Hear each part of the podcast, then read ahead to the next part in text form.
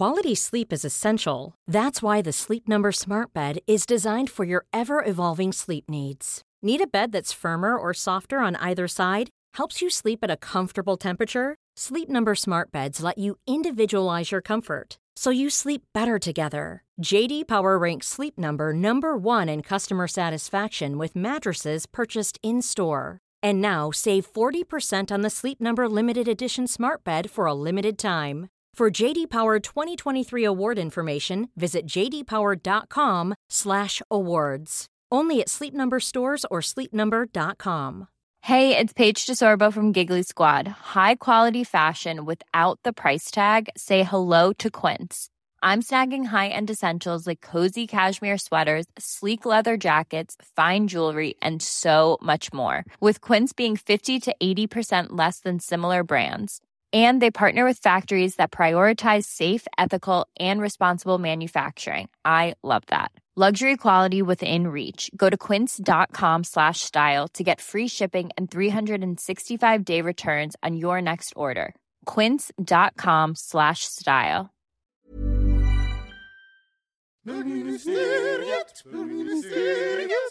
Bögministeriet, bögministeriet,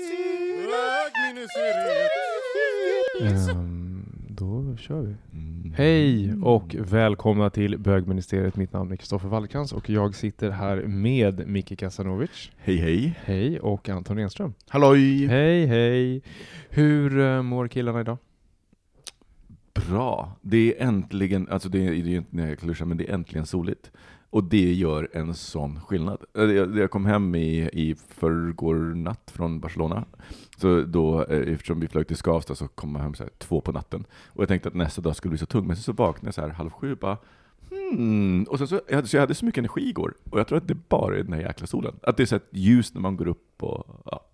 Så jag, är- jag är pepp Det är härligt när man så här själv vaknar innan alarmet för att det är ljust. i det.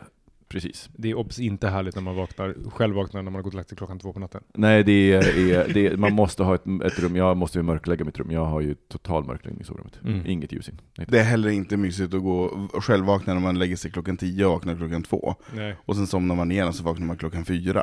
Det är inte heller mysigt. Och sen är pigg. Pigg är ljuset. Ja just det, nej precis, exakt. Jag mår också bra. Eh, Jag eh, är ju en vårhatare, så att jag, jag, Ja, går, jag går ju inte igång på, på, på ljuset och solen. Och jag tycker att det är härligt, men jag blir ju så provocerad på att alla ska vara så lyckliga så fort solen lyser. Det är det värsta jag vet. Kan du inte vara glad när annan tid på året? Du måste kunna uppskatta snö och slask och vinter också. Varför då? För att man, man bestämmer väl själv om man är glad eller inte. Man kan ju inte bara säga nu är solen framme, nu är jag glad. Det är ju jättetöntigt tycker jag. Ja, men, Micke, Micke, du har, du har ja, nej, men jag scientific köper, nej, men, approach. nej, men, jag, jag tänker så här, jag, jag, köper, jag, jag köper en del av det argumentet, för det, förlåt, men det värsta, mest meningslösa som finns, det är folk som klagar på vädret. Ja, Därför att du kan inte ändra det. Nej. Så att det är så här, att klaga på det, det, visst, det luftar saker, men det här, åh, jag fattar inte varför mina förfäder flyttade hit, varför stannade de, de var dumma i huvudet. Jag bara, flytta. Flytta. EU, fri rörlighet, Medelhavet, varsågod, flytta ner, flytta. Men samtidigt så finns det ju också, det är ju hormonellt. Mm. Alltså det här med att solen lyser på en, det, det, det, det sker rent så här, biokemiska processer i kroppen. det förstår jag också. Och, det, menar, och, det, och jag tror att det är de som såklart sen också förstärks av Mm. alla associationer. Mm. Men jag tror inte att det är så att folk väljer det så mycket Nej. som att det liksom händer i dem. Mm. Så det är därför jag tror Mm. att jag har lite reservation på det. Men då menar jag, live it, håll käften. Jag är så trött på det här tjatet. Nu lyser solen, nu är jag glad. Det tycker jag är tråkigt. Så här, var bara glad, var positiv och glad, och sen go with the flow. jag Eh, lång utläggning. Ja, jag mår också bra tack. Ja, Kristoffer, du mår bra. Jag mår bra, men Ja. jag är ju den personen.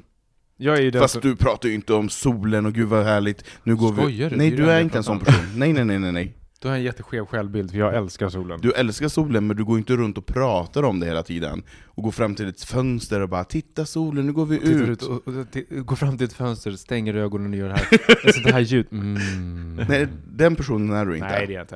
Eh, det är jag inte. Men jag klagar väldigt ofta på att det är dåligt väder. När det är dåligt väder. Gud, vilket tråkigt ämne. Apropå att prata om väder. Eh, men Väder och vind. Vad sa du? Väder och vind. Väder och vind ja. Mm. Men jag tror, alltså så här, för det som jag påverkas mest av på våren, som jag tänker på väldigt ofta nu, det är att dagarna, oh, gud. jag är så trött på mig själv att jag säger det här, att dagarna är längre.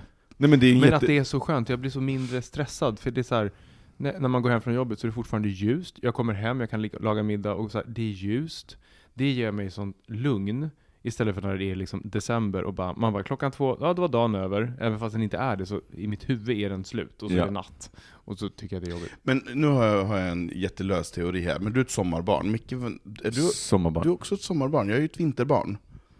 Ah, Jag är född i februari, så kan det så. vara någon typ av sån här... Alltså det finns ju, alltså jag, jag vet att jag läste en studie eh, för länge sedan som just visade på skillnader mellan Mm. sommar och Mm. vinterbarn. I, i, och, och det beror ju på också att man behandlar barn annorlunda Mm. på sommaren och Mm. på vintern. Mm. Så till exempel. Mm. Eh, vilket såklart får, får konsekvenser. Det är liksom ett dominospel, en liten Mm. sak kan få ganska stora konsekvenser. Så det, det, det finns definitivt skillnader vet jag som de har påvisat. Och det kan eh, nog säkert ligga någonting Mm. i det. Att, eh, Det är ju, sommaren är ju eh, levande, vintern är ju inte det. Alltså om du släpper ett barn fritt och springa i, i Då pulsar den i snön, Den jättegulligt. fryser ihjäl. Jo det gör den också, men den pulsar ett tag. Om du släpper ett barn i hjulet, då blir det bara en fräsch sommarbränna och lite solblek. Bränner sönder. Alla har ju inte samma pigment som du har. Vissa måste ju ligga med solskyddsfaktor 50, och Ja. parasoll. Just det. Just saying. det är good point. Mm. Ska vi ta en jingel på det? Ja. Så eh, hörni, vi har fått ett uppföljningsbrev eh, som jag tänkte jag börjar läsa det så tar vi det därifrån. Mm. Hej ministrar! Jag skrev till er för en tid sedan om mitt uppbrott som jag jämförde med Robin. Det var en tung period och det var tröstande att höra er prata om hur jag kunde hantera det. Min stora fråga då var huruvida jag var i chock då jag inte sörjde särskilt mycket trots plus, fem plus år i förhållandet. Nog kan man kalla det chock så här i efterhand. Bara någon vecka efter att ni sände ert avsnitt trillade poletten ner, så att säga. I skrivande stund har det gått tre månader och två veckor sedan jag blev dumpad. Han som dumpade mig är en man jag älskar så mycket att jag blir alldeles yr. Det känns mer som han är syret jag andas. Jag lever för de vackra minnen vi har och alla de planer vi hade. Jag sitter fast och har en känsla av uppgivenhet som heter duga. Att bryta upp är olika för alla naturligtvis, men aldrig trodde jag att det skulle påverka mig så extremt. Vi var tillsammans i många år, drygt en tredjedel av mitt liv, och delade allt med varandra. Familj, boende, vänner med mera. Plötsligt är det inte vi längre. Han vill inte veta av mig och låtsas som att jag inte längre finns. Våra respektive bussar går från samma ställe i stan trots att jag har flyttat och det medför att jag ser honom ibland. Det är som att få en kniv i hjärtat varje gång jag ser honom. Det har eskalerat och nu har jag blivit klassad som en fara för mig själv enligt både psykolog och läkare. Finner jag bara modet är jag inte längre med er när ni väl tar er till er detta till ett av era avsnitt, om ni gör det. Men jag vill ändå tacka för en fin och behövd podd. Hälsningar. Och så signatur där. Eh, ja, Mm.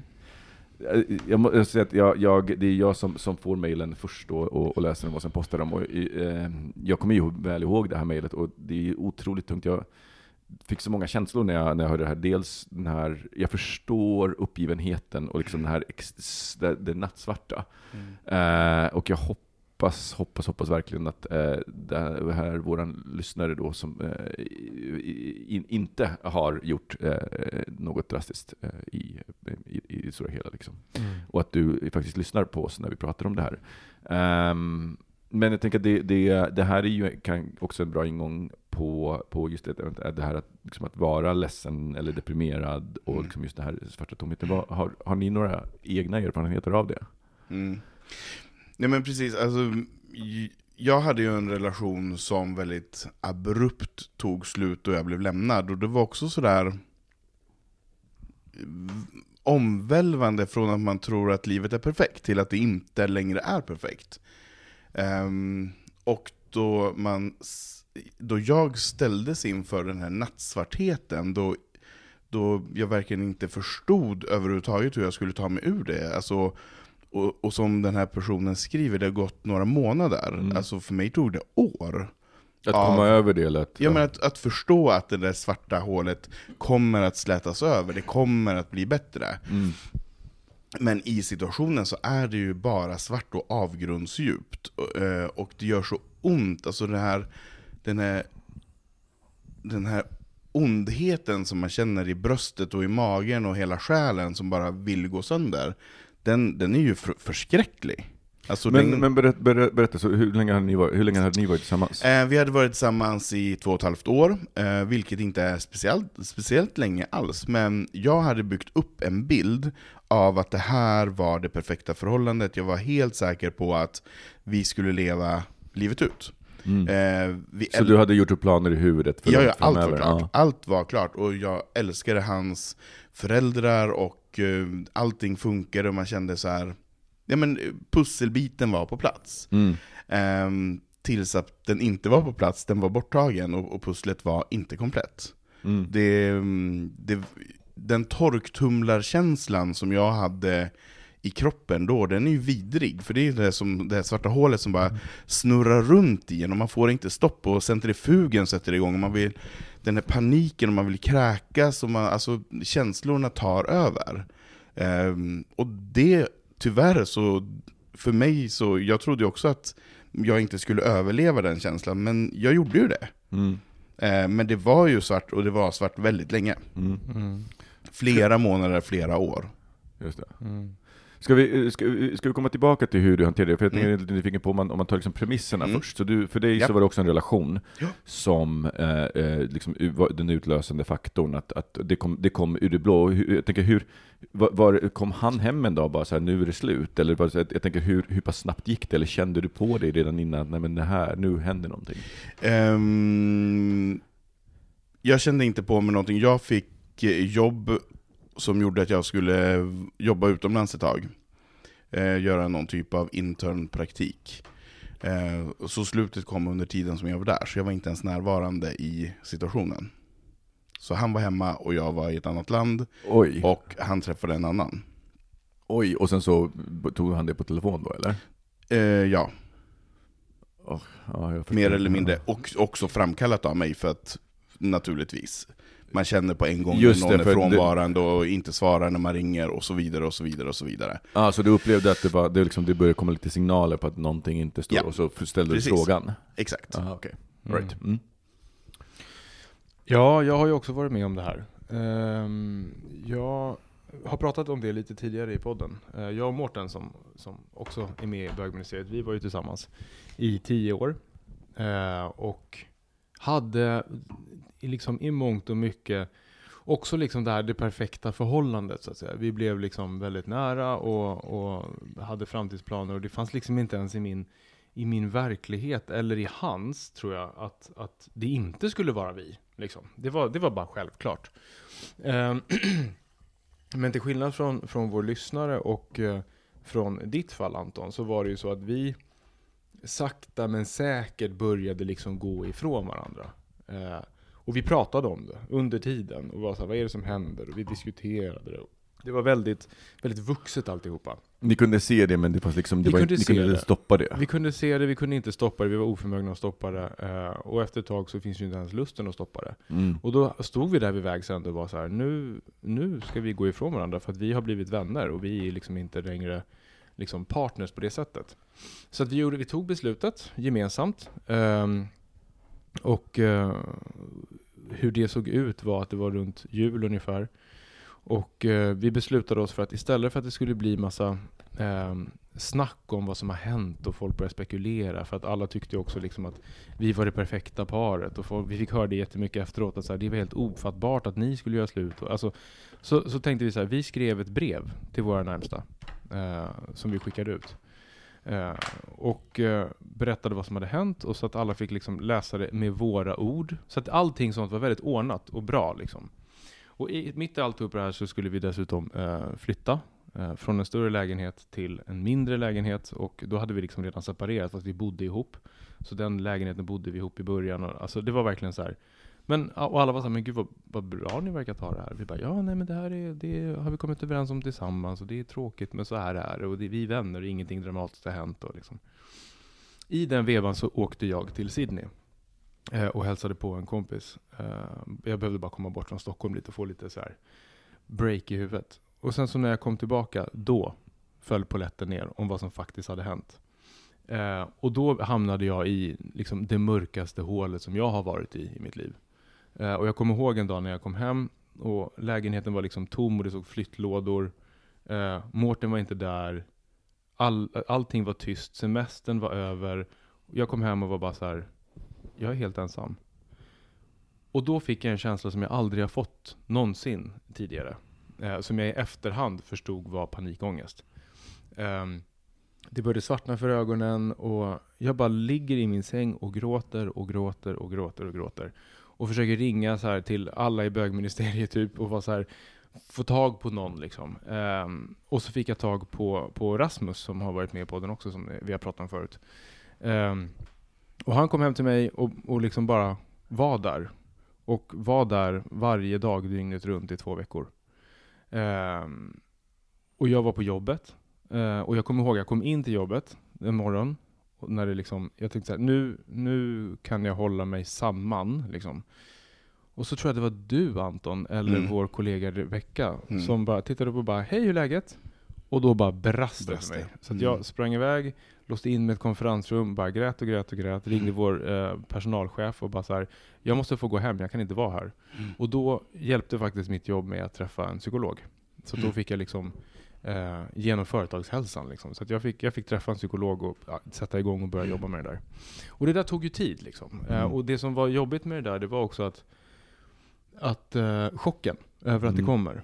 För att jag trodde ju att det var fine. Just Jag det. var ju mitt uppe i det och var så här, men det här är fine. Jag känner efter och det är... Jag, jag kommer klara det, det är inga problem. Och sen kommer det som en tjock jävla Sen börjar kroppen reagera. från höger. Så Mm. man bara wow, vad fan Mm. hände? Och då Mm. tappar man ju all fattning. Mm. Eh, och tankarna börjar gå på repeat i huvudet och loopa och man hittar saker som man liksom attackerar sig själv med genom att tänka. Alltså hur kunde han, hur kunde jag? Vad- Och, och så går man in i de här destruktiva tankarna som bara fortsätter att slå på Mm. en själv. Mm. Ehm, men med det sagt så vill jag ändå säga, vi, vi kommer komma tillbaka till det men så vill jag ändå säga att när jag kom ut på andra sidan, det tog ungefär ett halvår av, av aktivt sörjande, ehm, så insåg jag att jag faktiskt dealade med det. I allt det här svarta, förjävliga, sömnlösa nätterna, ångesten, jag utvecklade akne, eh, så här kraftig akne på grund av stress. Det, alltså, hela min kropp höll på att gå sönder. Liksom.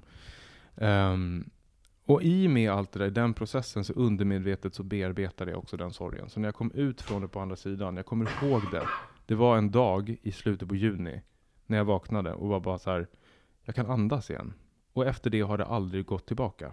Mm. Men jag trodde aldrig att det, när jag var mitt uppe i det så trodde jag aldrig att det skulle komma ur det. Just det. Eh, Jag, jag, jag hade ju som, jag har ju inte fått det här en sån period, eller jo, jag har ju varit riktigt, alltså så, här, så nedtryckt i skorna efter att en, men, några så här, relationer eller dejt, egentligen långa datingperioder tog, tagit slut. Eh, men, men, eh, men jag tror att de knuffade mig aldrig lika långt därför att, därför att min, min period när jag liksom gått som längst i tankarna och liksom så här planerat, faktiskt planerat mitt eget självmord eh, i, när jag var tonåring och liksom var så här, ja men det här är en fas man går igenom. Eh, så här, jag kommer ihåg så här, sjuan, biologiboken Grönrutig som Mm. fortfarande gavs ut för typ, alltså den gavs ut till, till in på 2000-talet Mm. med samma stycke. Så här, men homosexualitet är en fas som man går, många går igenom. Jag bara, Mm. du vet, så här, lättnaden när jag läste det, jag bara, åh gud vad skönt, det här kommer gå Mm. över. Och sen så var jag så här, du vet, så här, någonstans i bakhuvudet så var det ändå så här, nej klart inte det här kommer gå över. Alltså så här, det, jag Men- visste ju det. Men var det på grund av att du kände att du var homosexuell som du Ja, inte ja. ville leva längre? Nej, nej, nej, nej, utan, Nej. ut- nej, nej, utan jag var såhär, nej men, nej, men så här, någonstans, det, det, här, det var ju många saker som föll på, föll Mm. på plats, för det var ju någonstans där som jag fattade, okej det här är vad en bög är, en bög är dåligt att vara. Mm. Så här, när jag var 12 så hade jag inte så mycket uppfattning om vad en bög var, eh, på det sättet. Eh, eller jo, det, det var jag visste, men 10. Eh, så. Men sen när jag var 15, då var jag liksom, för då är också hela tonåren, inte sticka Mm. ut på fel sätt, vet, så här, allt, Mm. alltihopa. Och då var det så trösterikt att läsa så här, men det är en fas som många går igenom. Och sen så, och sen så nästa stycke så var det så här, vuxna homosexuella är oftast djupt tragiska och ensamma individer som söker sällskap. Du vet, så jag bara, läste det och jag bara, och det var ju så bilden var. Mm. Så, vet, så jag läste det och bara, okej, eh, så att det finns alltså en period dit lite otydligt när det här kommer vara. Eh, eh, så att okej, eh, jag ger mig själv tills jag är, och sen så, jag, jag tror att jag satte gränsen vid så här 23 eller någonting. Om inte det har gått över då, då, då tar jag livet Mm, av mig. Så, mm. Och då var jag så okej, hur ska jag göra för att jag vill inte göra någon illa? Så jag började göra, jag, jag började göra så ganska avancerade planer för att så här, Mm. kunna, kunna ta avsked men inte att min kropp ska hittas av någon. Ja, men du vet, så, så här. Så att, så att, och då, det var liksom en, en, väldigt mörk period på det sättet. För det var nästan så att jag som vaknade upp och bara så här, har det gått över än? Nej det har det inte. Har det gått över än? Nej det har det inte. Eh, och liksom, och så här, planerna blev ju någonstans, så varje gång så blir också planerna mer och mer konkreta. Eh, även om det känns som om när man är 15 så känns ju 23 så himla himla Mm. långt bort. Det känns ju som ett helt liv bort. Men det var ju fortfarande så att, så att varje gång eh, så blev det planer. Och det Eh, så att, så jag har ju liksom den referensramen. Så att nu när jag hamnar i mina dep deprimerade perioder så tror jag att, att så här, men på, så här, det låter absurt, men det är en bra... Jag är glad att jag har den referensramen. Därför att jag vet hur långt så att säga, jag, jag, hu- hu- var mina gränser går. Och jag, jag vet att, så här, jag vet att, att även så här, den värsta perioden, bara jag håller ut, kan gå över. Och det var väl det som var liksom nyttigt med, med, med den Mm. eh, för mig. Så för mig så var det liksom snarare liksom hela identitetskrisen kring att vara bög som utlöste det och inte, inte en relation. Nej. Men hade inte det hänt med relationen, då tror jag faktiskt på riktigt att så här, det hade kunnat utlösas av när jag, men 2008 när jag blev head over heels kär och liksom så här helt plötsligt bara nej, Mm. det skulle inte hända. Nej. För det, jag tänker också, det är mycket så här, hur långt fram i huvudet ligger man? För det, Mm. var, det var en jättebra fråga som en kompis frågade mig. Han bara, hur långt hade du gjort upp planer i huvudet? Mm. Och det är ganska intressant att re- reflektera över, för att Mm. vi dejtade i september, och jag, hade liksom, jag låg ju redan framme vid jul i Mm. tankarna. Mm. Eh, och det är också så här, det, det, det är en bra indikator på att se så här, okay, hur, långt, hur långt fram kan man planera när man är i början av en relation, och så här, ja, men att inte gå sakerna i förväg, för det lägger till lasten. Där. Jag tror att det där är, det är svårt. Vi, I tidigare avsnitt här nu, senaste med Robin och Filip och de har pratat om internetpojkvänner och sånt där. Eh, och hur man skapar sig en bild av, av eh, den personen på andra sidan. Nu i det fallet så är det ju på en väldigt light nivå naturligtvis. Eh, men det händer ju naturligtvis i förhållanden också. Och jag tror att man, man måste ju på ett sätt tillåta sig att göra planer, att spinna iväg i tanken, därför det är det som är investering i, i relationen.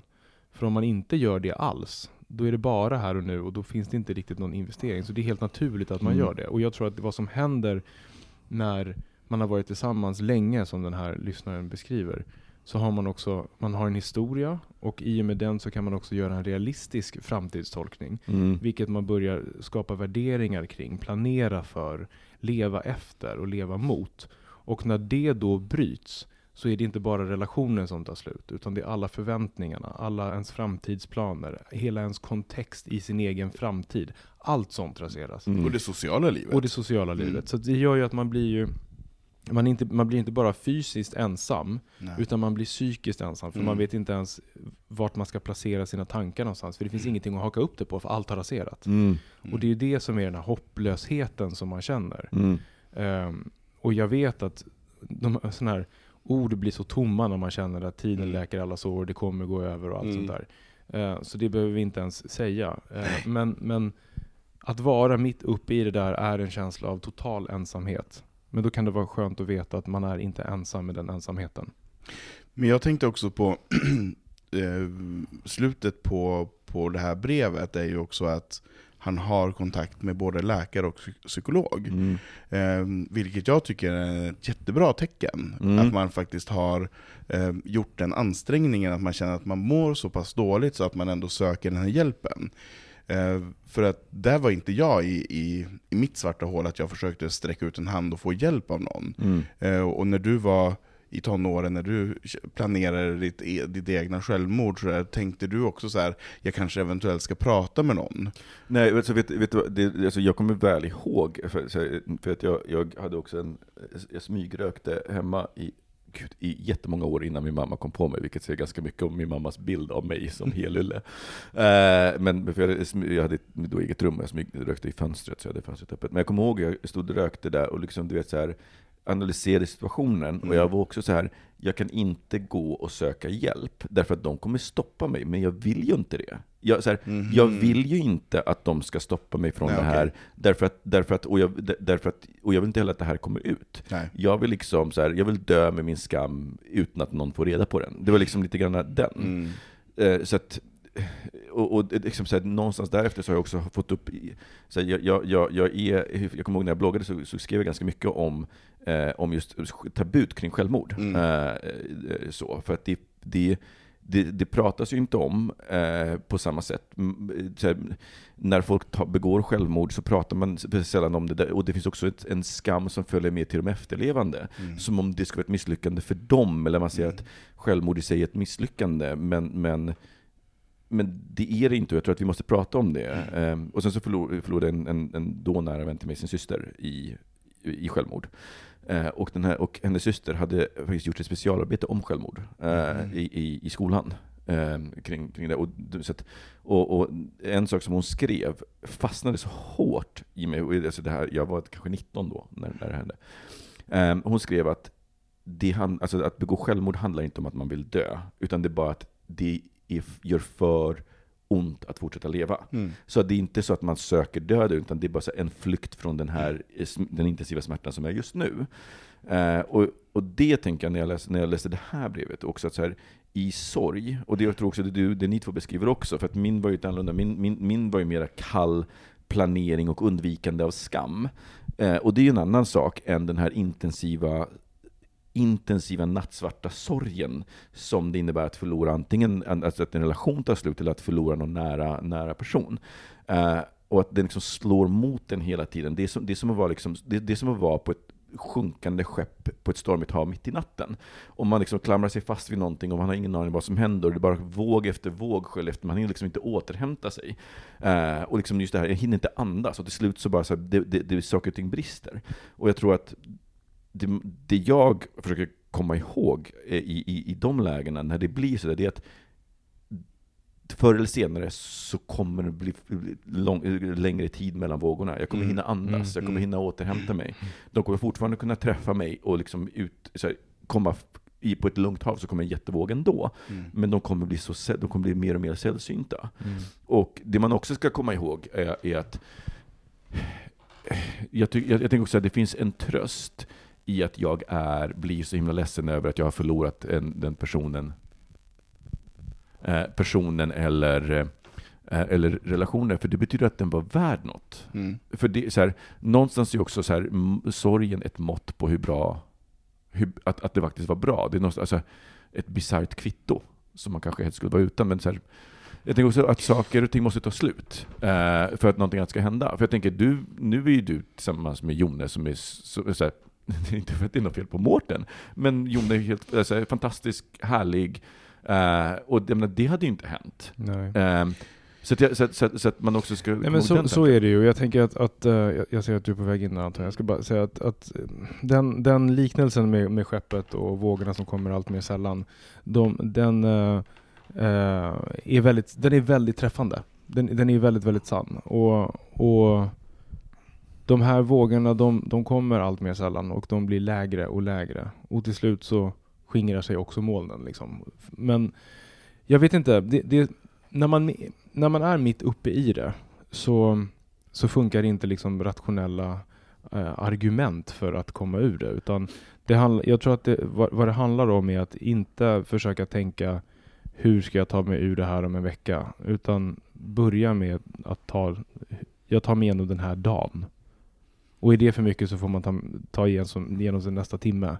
Alltså så här bara för att um, andas. Och jag, min min, min, min uh, psykolog som jag gick till um, sa massa bra saker såklart som jag inte kommer ihåg. Men en sak som, som han sa som var väldigt, väldigt bra. Det var att um, välj, välj att aktivt tänka på det som gör ont. Alltså så här, sätt, sätt dig ner, för, för där, de där tankarna går hela tiden och det är det som blir så utmattande. Men om man sätter sig och faktiskt aktivt tänker på vad som gör ont så är det ett sätt att ta makt över tankarna. För det farliga i det här är inte situationen, det farliga är tankarna som är, får härja helt fritt och helt oemotsagda. Men om man aktivt sätter sig och börjar tänka på de här sakerna så kan man så småningom aktivt kunna stänga av tankarna också. Mm. Eh, och det tar tid att lära sig, men, men det funkar. Liksom. Ehm, Men det var, det var det jag ville lite så komma till, just när, när man är i den där situationen, när det är så där fruktansvärt nattsvart, och man, man har stunder av panikångest, eh, man, man tror inte man ska överleva, och då är ju själva, då är panikångesten, då är det ju det som är problemet. Tror man när man inte kan andas och man inte kan se och, och så vidare, och rummet snurrar. Då är det ju det som man fokuserar på, att man ska genomgå det, eller ta sig igenom den attacken av panik. Um, men för det, jag tycker det är så svårt att... Det var därför jag blev så himla ledsen när man får den här typen av brev, för man vet, eller jag vet själv hur, hur jag kände, att det, och jag kan inte för min vildaste fantasi förstå hur man ska ta sig ur den.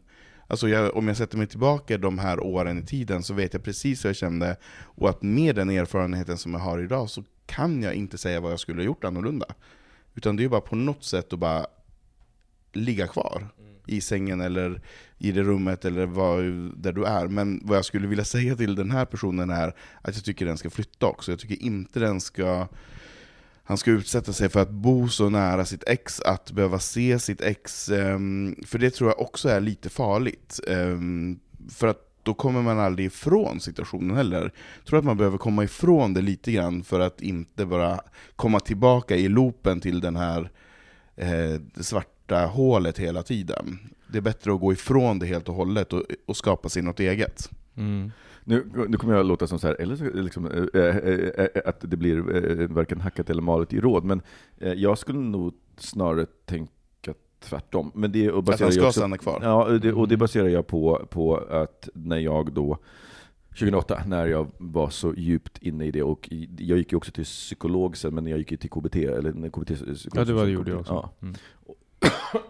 Och eh, vi pratade ju om mycket, och en av de sakerna vi pratade om, det var ju det här liksom uppbrottet. Och jag kommer kom också så väl ihåg, och hon bara, eh, när jag pratade om det, jag, jag undvek ställen, för jag visste att så här, där kan jag springa på honom, eller där. Hon bara, och hon berättade en, en sak som förklarade, för att hon var så här, men om du vill bo kvar i den här stan, eh, så måste du återta Mm. alla platser, alltihopa, göra det till ditt. Mm. Därför att om du undviker dem så, så är det ungefär samma, samma som när du eh, tänker att det finns ett monster i garderoben, så kollar du aldrig. Mm. Och sen så blir det liksom hela tiden att, att du bekräftar någonstans. Hjär- Hjärnan tänker det här är hotfullt, det här är farligt. Och genom att undvika det så bekräftar du det. Och sen så gör du så att säga, du, du gör monstret större. Absolut. Och det håller jag med om. Men jag tror i situationen, när man är i det här nattsvarta hålet, när man faktiskt, det är så pass, pass färskt också för, det är bara några månader, Mm. då tror jag att man kan må bra av att backa ifrån det, och bara befinna sig i sitt nattsvarta hål och försöka reda ut sin, eg, sin egna panik och sin egna sorg innan man går in i den här att ta över sin stad, och ta över sin stadsdel, eller ta över den här busshållplatsen då, som de delar. Det kan man göra sen. Eh, för jag tror inte, personligen så tror jag att man måste ta hand om sig själv först, Mm. innan man kan läka relationen till en annan person. Ehm, och, och, och jag tror att det är svårt att göra det när man hela tiden blir påmind om det där som man inte fick. Att hela tiden se den här personen på bussen och Mm. bara fan, och sen halka tillbaka. Det kan vara bra att bygga upp sig själv först innan man går tillbaka till eh, erövrandet av sitt egna liv. Mm. Och låta det ta tid, för herregud. Jag gick också till psykolog av andra anledningar där det här dök upp. Ehm, tio år senare, efter, efter det här hade hänt. Ehm, och då jag fick svar på massa saker som också har med min barndom att göra, med, med mina föräldrar, hur de har växt upp med sina föräldrar och så vidare, varför jag reagerar på det här sättet. Så det, saker och ting hänger ihop. Och man, jag behövde väldigt mycket tid. Jag behövde nästan tio år innan jag insåg att ja, men den här ångesten och den här panikångesten, och så här, det var uttryck för, för, för en situation som man har hamnat i. Ehm, och sen tips och råd vill man inte ha när man är där. Mm. Man vill bara ha den, man vill ha, en flytväst vill man ju gärna ha, Mm. eh, men man vill inte ha den här 'det kommer att bli bättre sen' och alla de här klyschorna. Mm. Nej, det, det, För det, det hjälper inte, Nej. man måste få vara, och jag tycker man ska tillåta sig att vara i det där svarta hålet.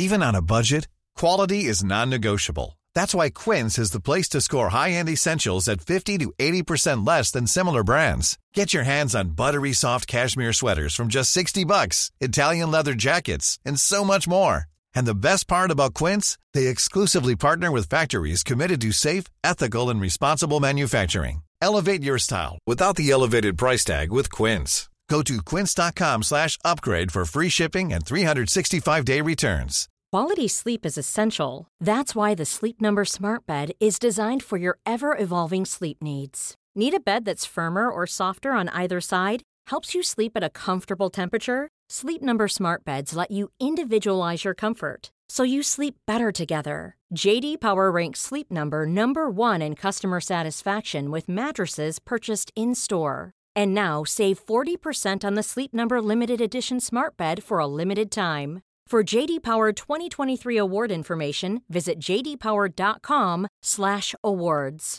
Only at Sleep Number stores or sleepnumber.com. Hi, I'm Daniel, founder of Pretty Litter. Cats and cat owners deserve better than any old-fashioned litter. That's why I teamed up with scientists and veterinarians to create Pretty Litter. Its innovative crystal formula has superior odor control and weighs up to 80% less than clay litter. Pretty Litter even monitors health by changing colors to help detect early signs of potential illness. It's the world's smartest kitty litter. Go to prettylitter.com and use code ACAST for 20% off your first order and a free cat toy. Terms and conditions apply. See site for details. Jag tycker också det, och jag tycker att det är viktigt också att poängtera att man i den utsträckning man kan inte ska känna skam över att man är så ledsen. Nej. Nej. Ingen skam. Alltså för det kan, det, jag tror att det, för mig, för mig blev det som en dubbel bestraffning. Dels att jag var så himla ledsen, men dels också att jag blev besviken på mig själv, att jag tillät mig bli så ledsen och bli så i händerna på någon annan, som jag uppfattade det då. Eh, att jag kan inte kontrollera mitt eget liv, utan jag är i händerna på omständigheterna. Och det gjorde mig besviken, och det var ju också en, en anledning att slå på mig själv Mm. och trycka ner mig själv ännu mer. Eh, men, men när jag liksom någonstans slutade med det, då blev det också lättare att liksom eh, i brist på ett bättre ord, men att hitta någon typ av lugn i sorgen. Och den Mm. gick från att vara panikartad och katastrofal till att bli otroligt vemodig och ledsen. Mm. Men då kan man hantera den. För, för om man tittar på alltså, sorgebearbetning, när man förlorar någon eh, i en olycka eller så vidare, det är ju ett trauma som man går igenom. Ehm, och det är väl ett trauma när man förlorar en partner också. Personen dör ju inte då när, när man delar på sig. Ehm, men, det Men är det är ju, men det är ju en förlust, det är ju en jättestor förlust Mm. som man inte kommer att få tillbaka. Och det måste man ju låta ta den tiden, och låta det vara så där svart, som man då låter ett, ett sorgearbete efter en död göra. Då, Mm. För då har man ju mycket mer förlåtelse med sig själv att man är ledsen, Mm. och att den här skammen över sorgen inte tar över. Mm. Men, men skammen över sorgen över en brusten relation, den är ju lite tabu att prata om också, att man känner sig äm, lämnad och ensam och övergiven. Eh, kände du så Kristoffer, när er relation tog slut, att du kände dig skamsen att du inte hade lyckats ha Ehm, relationen, eller räta upp relationen igen? Alltså, det roligt att du frågar därför att det var en av de frågorna som jag fick. Och också en av de, för när man går igenom en sån här sak som jag och Mårten gjorde, så har, eftersom att vi hade så lång tid på oss att formalisera, eller formal, formulera vad det är som händer, så märker jag också att det var samma formuleringar som jag gav andra. Det var så här, det här är repertoaren kring varför vi håller på så ni hade bestämt er tillsammans? Nej, Så men det så var man som ett manus som, som Exakt, skrevs så att jag, sa, jag automatiskt. vet att jag sa flera gånger att så här, jag ser inte alls det här som ett misslyckande, utan Mm. jag ser det snarare som att jag är otroligt tacksam för de tio åren och det kapitlet i Mm. livet som vi fick tillsammans. Mm. Och jag sa det så pass mycket att jag faktiskt trodde på det själv. Men när det här hände och när polletten trillade ner, så var det ingenting annat än ett fett jävla misslyckande. Mm. Och det i sig var så jävla tragiskt, Mm. tyckte jag. Nu tycker jag inte att det var ett misslyckande. Mm. Nu är jag tacksam för att vi gjorde slut. Därför det gjorde att, eh, apropå liknelser, det var ju en skogsbrand som härjade. Men nu så har liksom nya skott skjutit och jag är liksom gladare än vad jag har varit på flera, flera år. Liksom. Eh, men så nu ser jag bara det, nu är jag tacksam för de tio åren vi hade. Men när jag var mitt uppe i det så var det ingenting annat än fett jävla fucking misslyckande. Mm.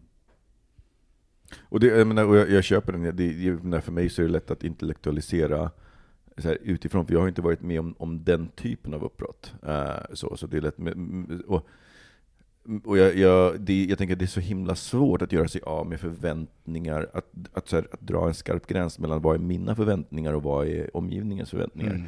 Och jag tänker någonting som du pratar om, och det tror jag också att, jag, tror också att jag är skyldig till att, till att ha sagt det, men det, det är jättejobbigt när man blir satt på pedestal av andra. Vilket Mm. ju folk gjorde med dig och Mårten när de sa, men, alltså, och jag tror att, att, jag, att jag sa det någon gång. Vilket, Eh, men, men, men, men för det är så himla tokigt att sätta någon annan, alltså oavsett vad, men framförallt någon annans relation på en pedestal. Mm, man vet ingenting om den. Man vet ingenting om den, och det finns också, det, det ställer också en, en press på, på, på de personerna. Så här, nu förväntar jag mig att ni lever upp till det. Mm.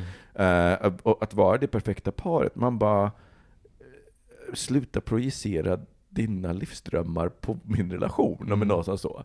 Och det är klart man kan tycka så här, men ni, ni, ni verkar vara ett härligt par, men, men man ska också vara medveten om att så här, det jag ser, även för nära vänner, är bara en liten del av det som, som egentligen försiggår. Mm. Ja, verkligen.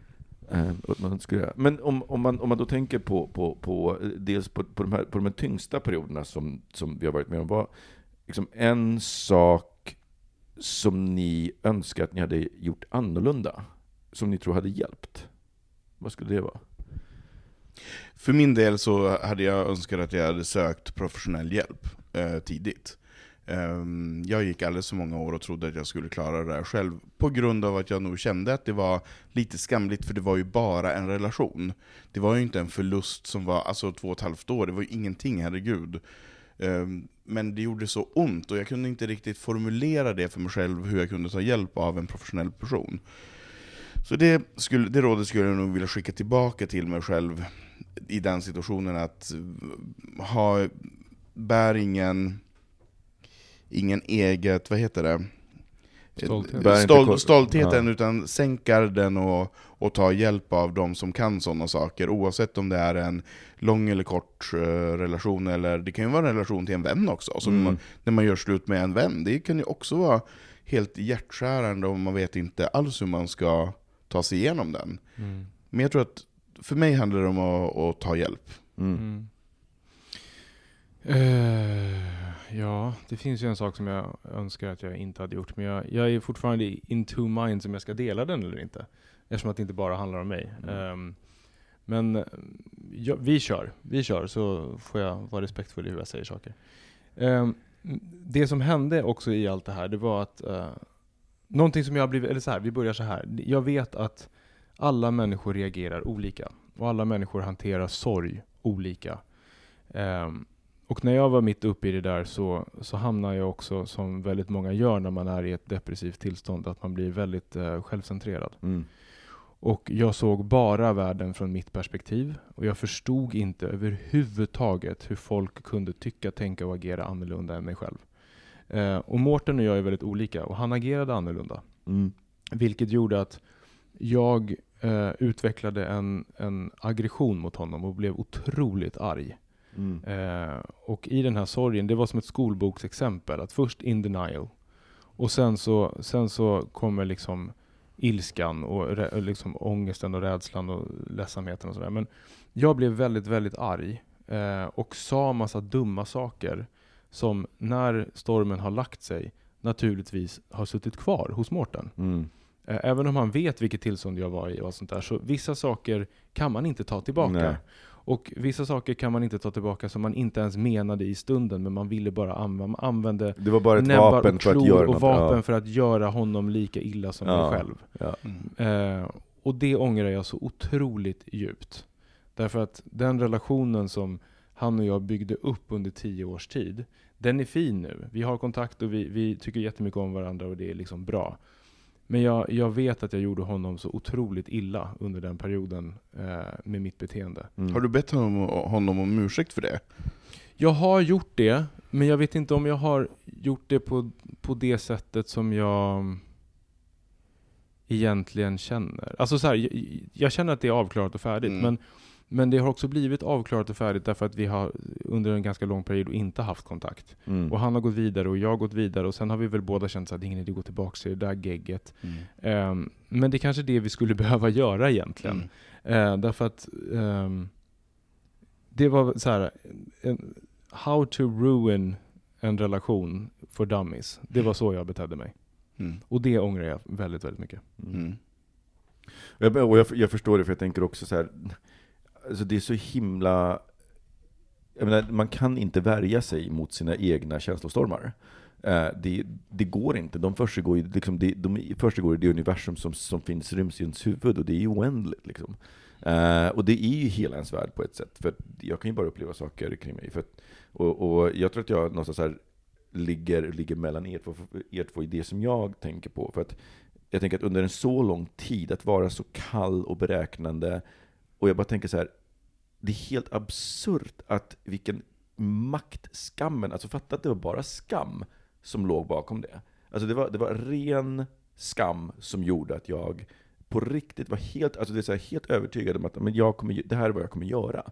Liksom så här, det var liksom, jag, jag, det allting var så här researchat, planerat på klassiskt mycket, mycket sätt. Och just det här att vägra, dels att vägra söka hjälp, det är också en sån sak. Att faktiskt, att så här, det, det fanns ju inte ens på världskartan, för det hade ju behövt så här, bit, äh, bit, Men också så här, att vara så hård mot, mot eh, och, och oförlåtande mot, mot mig själv, för det innebar ju att det blev också det mot min omgivning. Så jag, tror att det, liksom, jag tror att det fick konsekvenser som jag inte ens jag vet om. För det var också i samband med det så bytte jag om i engelsk krets, men det, var, det hände mycket. Liksom. Eh, men men eh, att, att så här, lära sig tidigt att hantera hur man gör, för skam är tror jag min ärkefiende nummer ett. Det är liksom det som kan driva mig till att, göra, till, att- till, till, att, un, till att undvika saker ganska, ganska mycket. Och att lära mig hur jag biter huvudet av den fienden. Och det finns bara ett sätt för mig, och det är att prata om det. Det är Mm. att liksom bara så här, det här känns, så här känns det här, det här liksom så. För då förlorar den, den makten över mig. Men om jag, jag liksom, jag, jag vet att obehindrat så kan den alltså driva mig till att rent konkret faktiskt, och det var, det var liksom inte ens så mycket sorg i det, det var liksom väldigt kallt och beräknande. För jag var så här, jag verkligen så här, ingen ska någonsin få reda på det här. Aldrig i livet. Det finns inte på världskartan. Så, jag kan liksom, så jag kan också förstå folk som, som hamnar i det så här, jag, jag kan, på, på ett bisarrt sätt så förstår jag hedersvåld. Alltså i, och med, alltså i, i och med att jag själv, det, det var ju vad jag själv gjorde någonstans på, mot mig själv. Mot dig själv, ja. Så att, liksom, så att någonstans så har jag förståelse för mekanismen, även om jag tycker, alltså, så här, jag förlåter inte någonstans, ursäkta inte, men jag förstår mekanismen. Jag förstår hur stark den är. Mm. Så jag tror att det är det som jag, som jag liksom har med mig, att, här, att, att eh, på ett tidigt stadium lära sig att hantera sin egen skam Mm. eh, kring, kring saker. För att skammen innebär censur. Jag tänker också, det, för det är också vad jag hörde kring dig Kristoffer, liksom just det här att ja, men du kände att, du, att så här, man, inte, får- man inte, får inte vara ledsen så här länge. Men det är klart man får. Alltså Mm. vadå inte får och får? Det, är liksom, det, det var ju bara du själv som satte det. är liksom, vi själva sätter de här begränsningarna i våra egna huvuden. Mm. Och det är så himla... Eh, men det är så osnällt Mm. Vi tar en jingel på det. Tänkte att vi skulle kanske dyka ner lite i vändningen i det här eh, samtalet också. För trots att det är, man går från den mörkaste delen av färgskalan eh, så lär man sig ju massa saker när man går därifrån. Mm. Och när man tar sig igenom den här stormen som du pratar om. Ja, och jag ska också tillägga att alltså, något som är viktigt att komma ihåg, vår eh, lyssnare som, som, som eh, skrev in är, eh, jag kan utläsa, en ganska ung person också. Därför att eh, de var tillsammans i fem plus år och han skrev att det var nära en tredjedel av livet. Eh, så eh, det är en förhållandevis ung person som förmodligen har träffats i tonåren och som liksom är precis Mm. över tonåren nu då. Så. Ehm, för att jag, jag, jag tänker också, det finns, en, det finns en sak i perspektiv. Alltså Mm. så här, det finns saker jag önskar att jag, hade, att, att, att jag hade kunnat prata med äldre människor om när jag var 25, för att kunna få det perspektivet. Mm. Eh, så. I, i, I det hela också. Så jag tänker inte med det. Men hade du inte önskat att du hade kunnat prata med de andra som var 25 också? Att det inte hade varit lika tabubelagt att man faktiskt kunde blotta de här, för jag- jag kände när jag var för det här var ju typ när jag var 27. Mm. Ehm, 25, 26, ja precis. Ehm, att jag kände skam för att prata med andra om det också. Att Mm. jag kände att jag hade gjort något fel, att jag inte fick en relation att funka. Att vad hade jag gjort för fel? Vad var det? Alltså skuldbeläggandet på mig själv vågade jag inte riktigt ta med mina Mm. vänner. För att de hade fungerande relationer till synes. Eh, ingen av dem kanske är tillsammans idag heller. Men eh, att man måste öppna upp till samtalet. Att man inte ska tycka det att den här funderingen som man då har är någonting som man inte kan dela med andra. För att då, när man blottar sig och säger men jag har upplevt det här så upplever jag att många säger men jag också, jag också, och sen har man ett samtal om det. Mm.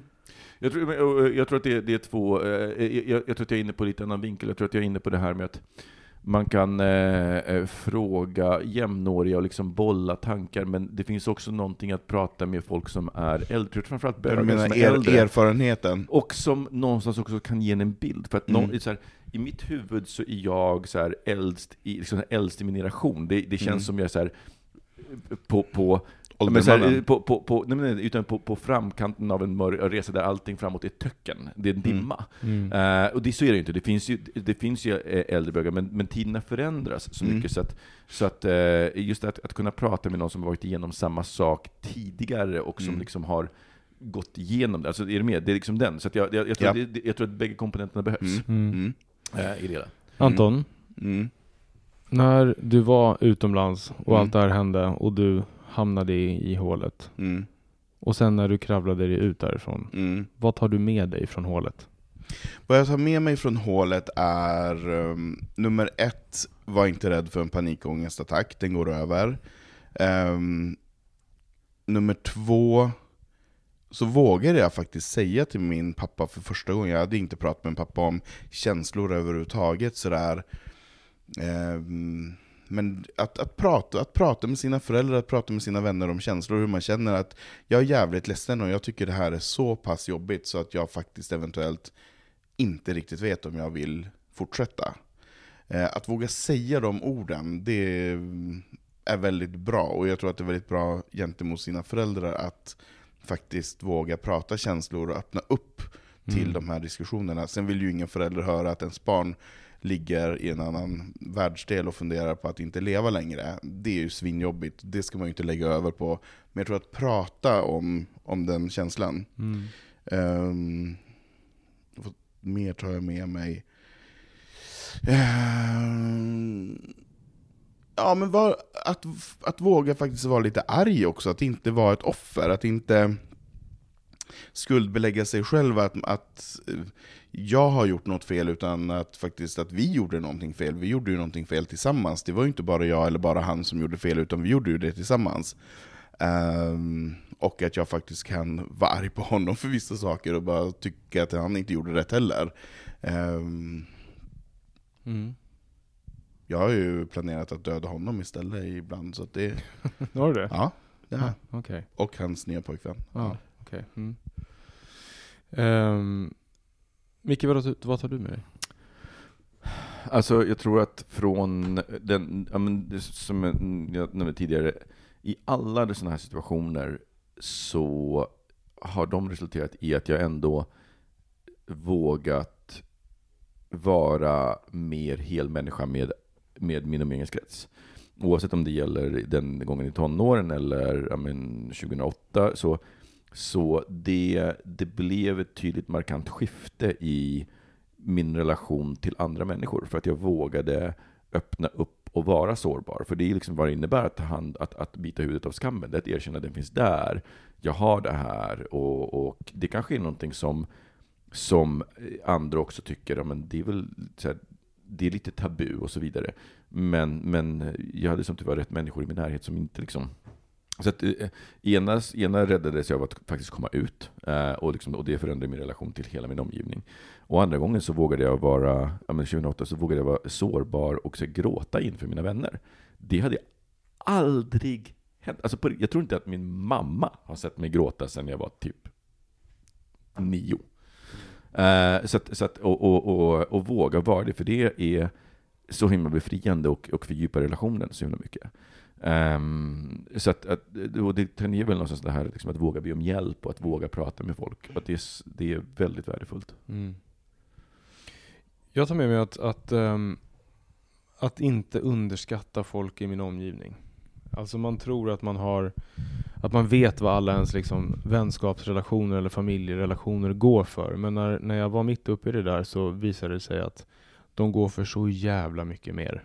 Uh, och att folk ställer upp på ett sätt som jag inte hade kunnat förvänta mig. Och det känns väldigt, väldigt skönt. Ehm, jag, tar, jag tar också med mig att eh, få perspektiv på, som du är inne på där Micke, eh, perspektiv på livet lite grann. Ehm, och vikten av att sätta ord på vad man känner.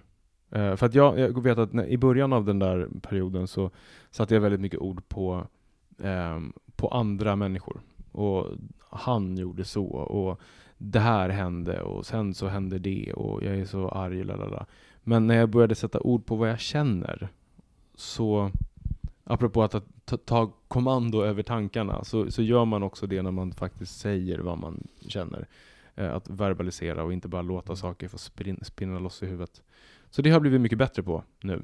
Eh, att faktiskt här, reflektera över hur jag känner, varför jag känner så och är det farligt att känna så? Eller är det bara en tanke? Mm.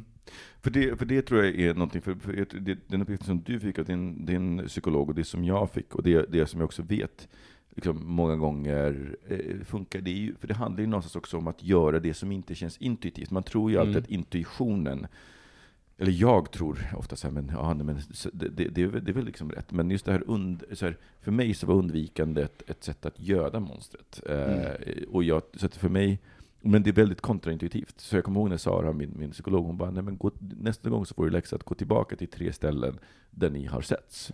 Och liksom, och, och, gick, det liksom, Jag fick en liknande uppgift. Men, nej, men, och det, det baserar sig på, på, på, på, på, en liksom, teori om att, om att det, liksom, vad som händer är att ångestkurvan, när man får liksom, den här ångesten som, och rädslan, så kroppen vet inte om att den här känslan ska ta slut, kan ta slut. Utan Mm. för kroppen så är det liksom panik, det är flykt på en gång. Mm. Och oftast så lyder vi den flykten. Men, men i det här fallet, att, att, att stanna kvar i det, precis som du säger, liksom, tänk, tänka de tankarna innebär att man mattar ut. Kroppen blir så här, eh, den orkar inte vara eh, arg, rädd, eh, utan, utan den, den där kurvan planar ut och ner, och då helt plötsligt börjar kroppen reagera annorlunda. För då börjar den lära sig, jaha, den här situationen var inte så farlig.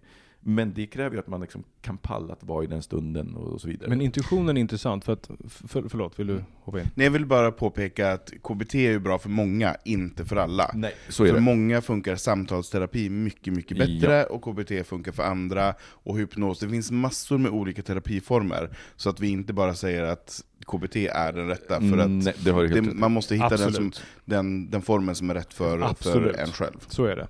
Men jag tänkte på det där med intuition som du säger Micke. Eh, För intuition är ju egentligen en samling erfarenheter som vi drar snabba slutsatser av. Mm. Och på så sätt så får vi bättre och bättre intuition liksom, ju längre, ju, ju äldre vi blir. Men problemet när man hamnar i en sån här situation, det är att alla ens erfarenheter och slutsatser, de gäller ju inte längre. Eftersom att man är i en helt ny situation där allt man hade förutsett skulle hända inte hände. Och det är då den här intuitionen snarare blir kontraproduktiv, därför att den säger att den försöker hela tiden att hoppa upp på det urspårade spåret. Mm. Och så kör man av hela tiden. Och det är det som man måste bryta. Och därför göra någonting liksom icke-intuitivt Ja, säga. men det finns också någonting eh, kontraintuitivt för att eh, vi, vi jobbar alltid efter, efter skade och smärtminimering.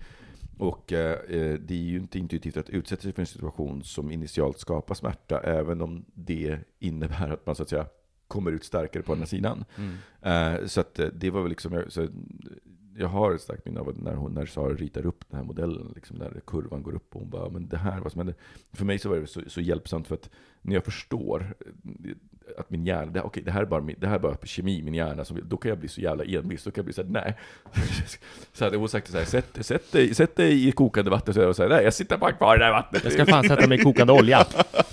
Precis. Ja, men lite, lite åt, äh, åt det hållet. Hörrni, eh, innan vi avslutar, tänker jag så här, eh, om det är så att du, äh, att, du är himla, alltså så, så ledsen eh, att du inte vet var du ska ta vägen, så finns det faktiskt också ställen man kan ringa eh, och prata med någon. Mm. För att det, eh, som sagt, om du inte känner att du kan prata med en vän eller någonting, prata med någon och då kan man ringa till någon av de, de hjälplinjer som finns. För det finns ju. Så vi har eh, nationella hjälplinjen som eh, eh är, du, kan, du är helt anonym på alla de här om du vill.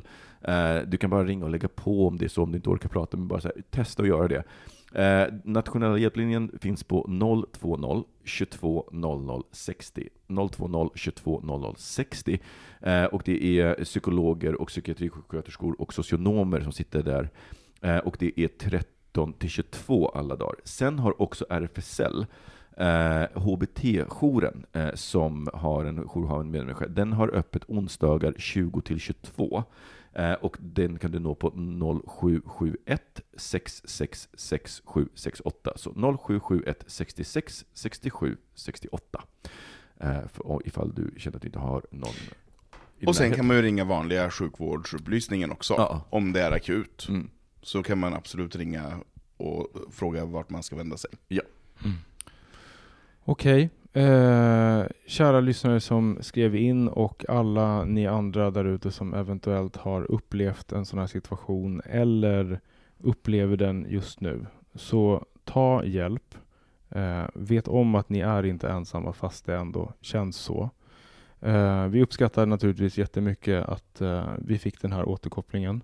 Eh, och hela bögministeriet tänker på dig eh, och hoppas att du tar dig ur det här på ett bra sätt. Ja. Eh, Och ni vi- andra, fortsätt skriva in eh, stort och smått, eh, allvarligt och lättsamt. Eh, ni kan göra det på hej.bogministeriet.se eller på www.bogministeriet.se på vår sajt alltså, där man också kan göra det helt anonymt via ett formulär. Ja. Vi hörs igen nästa vecka. Hej då! Ha det fint. Hej då! Hej då! Bögministeriet, bögministeriet, bögministeriet, bögministeriet, bögministeriet, bögministeriet. A lot can happen in three years, like a chatbot may be your new best friend. But what won't change? Needing health insurance. United Healthcare Tri Term Medical Plans, underwritten by Golden Rule Insurance Company, offer flexible, budget friendly coverage that lasts nearly three years in some states. Learn more at uh1.com. Imagine the softest sheets you've ever felt. Now imagine them getting even softer over time. That's what you'll feel with Bowl and Branch's organic cotton sheets. In a recent customer survey, 96% replied that Bowl and Branch sheets get softer with every wash. Start getting your best night's sleep in these sheets that get softer and softer for years to come. Try their sheets with a 30-night guarantee. Plus, get 15% off your first order at bowlandbranch.com. Code BUTTERY. Exclusions apply. See site for details.